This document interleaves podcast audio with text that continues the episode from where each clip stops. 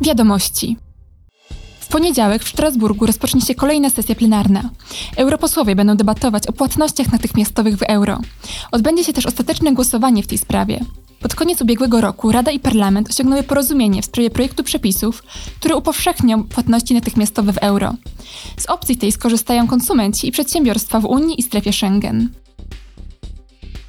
We wtorek parlament będzie dyskutował o rosyjskiej wojnie przeciwko Ukrainie.